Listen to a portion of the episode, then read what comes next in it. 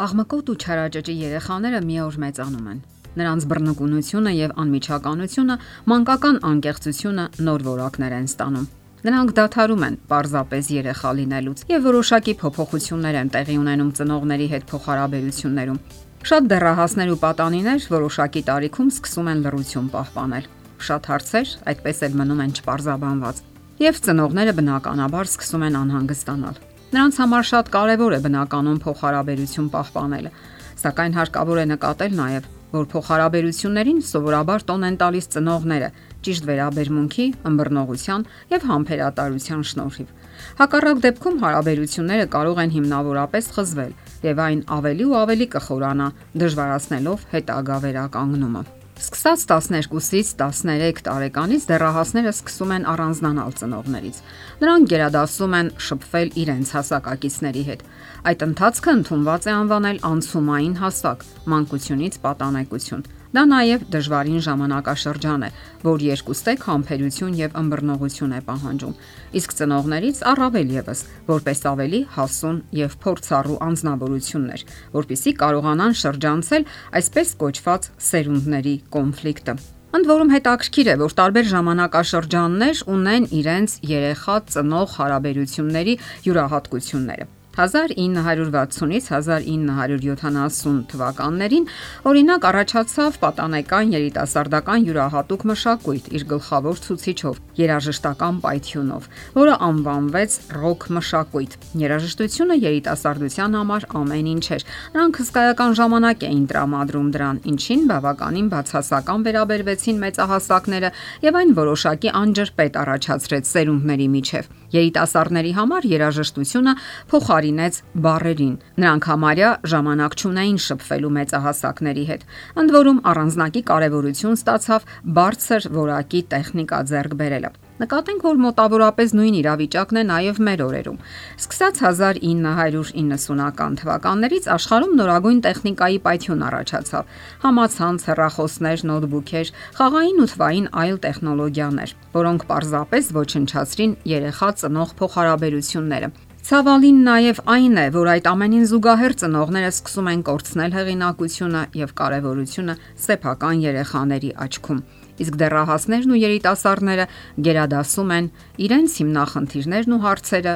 վստահել հասակակիցներին։ Նրանք կիսում են միմյանց հետաքրքրությունները, զգացմունքներն ու ապրումները։ Երեխայի լռությունն ինքնին հասկանալի է։ Նրանք կյանք են մտնում եւ սկսում ձևավորել իրենց հայացքներն ու փորձառությունները։ Սեփական տեսակետները, կյանքի հանդեպ սեփական վերաբերմունքը։ Սակայն խորաթափանց ծնողը պետք է հասկանա, թե ինչ է թաքնված պատանու հոգու անկյուններում հասկանա թե ինչ փոթորիկներ են այնտեղ մոլեգնում։ Երեխան, պատանին իրականում դեռևս ի վիճակի չէ սեփական բարերով արտահայտել այն ամեն նորն ու խորթավորը, որ կատարվում է իր հետ։ Այդ տարիքում նրանք սիրահարվում են, տեսնում կյանքի ստվերոտ կողմերը, մեծահասակների անըմբռնողությունն ու կեղծավորությունը։ Այդ բոլոր խմորումները հարկավոր է մարսել ու յուրացնել, ընդունել կամ մերժել։ Իսկ երբեմն Նրանք վախենում են կամ ամաչում են կիսվել մեծահասակների հետ, այն ամենով, ինչը անհանգստացնում է իրենց։ Այս բարդ շրջանում շատ մեծահասակներ անվերապահ հնազանդություն են սպասում պատանիներից։ Նրանք պահանջում են, որ երեխան թափանցիկ ու բաց լինի։ Քննադատում են եւ պահանջում հաճախ լրջորեն վիրավորում ու խոցում կյանք մտնող դեռևս անպաշտպան ու դյուրազգաց երիտասարդին։ Իրենց սեփական ճշմարտությունը նրանք ներկայացնում են որպես միակ ճիշտն ու անսխալականը, ինչին երիտասարդները կատաղիորեն դիմադրում են, որովհետև դա խլում է նրանցից սեփական եսի զգացողությունն ու ինքնատիպությունը վերացնում է իրենց ինքնատիպությունը, սեփական փորձարկումներից ու փորձառություններից հետևություններ անելու հնարավորությունը։ Ահա թե ինչու նրանք հաճախ լռում են։ Ասենք որ այս բնակավարում մեծահասակները իրենց ուժեղ են զգում եւ պարտադիր չէ որ նրանք փորձեն անպայման ճնշել դեռահասին եւ փորձեն ամեն գնով նրանցից ինֆորմացիա կորզել։ Ավելի ճիշտ կլինի ընկերական ոգով փորձել հարաբերություններ հաստատել, ընկերանալ։ Կարող են կիսվել սեփական փորձառությամբ ու հետևություններով։ Իրենց կյանքի փորձառությունն ու դրական օրինակը կտա շատ ավելին, քան միայն խոսքերն են ու ճառերը։ Անհրաժեշտ է անհանգստանալ այն ժամանակ, երբ երիտասարդը դադարում է շփվել ընկերների ու հասակակիցների հետ, մերժում է այն, ինչ նախկինում սիրում էր։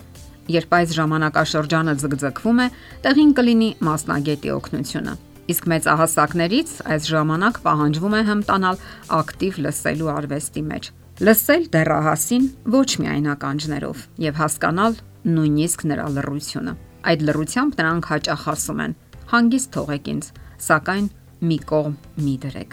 Դուք կարող եք փորձել միասին որևէ տեղ գնալ։ Դա կլինի սրճարան, կինոթատրոն, այլապես խորթությունը ավելի կխորանա։ Իսկ երեխան պետք է հասկանա,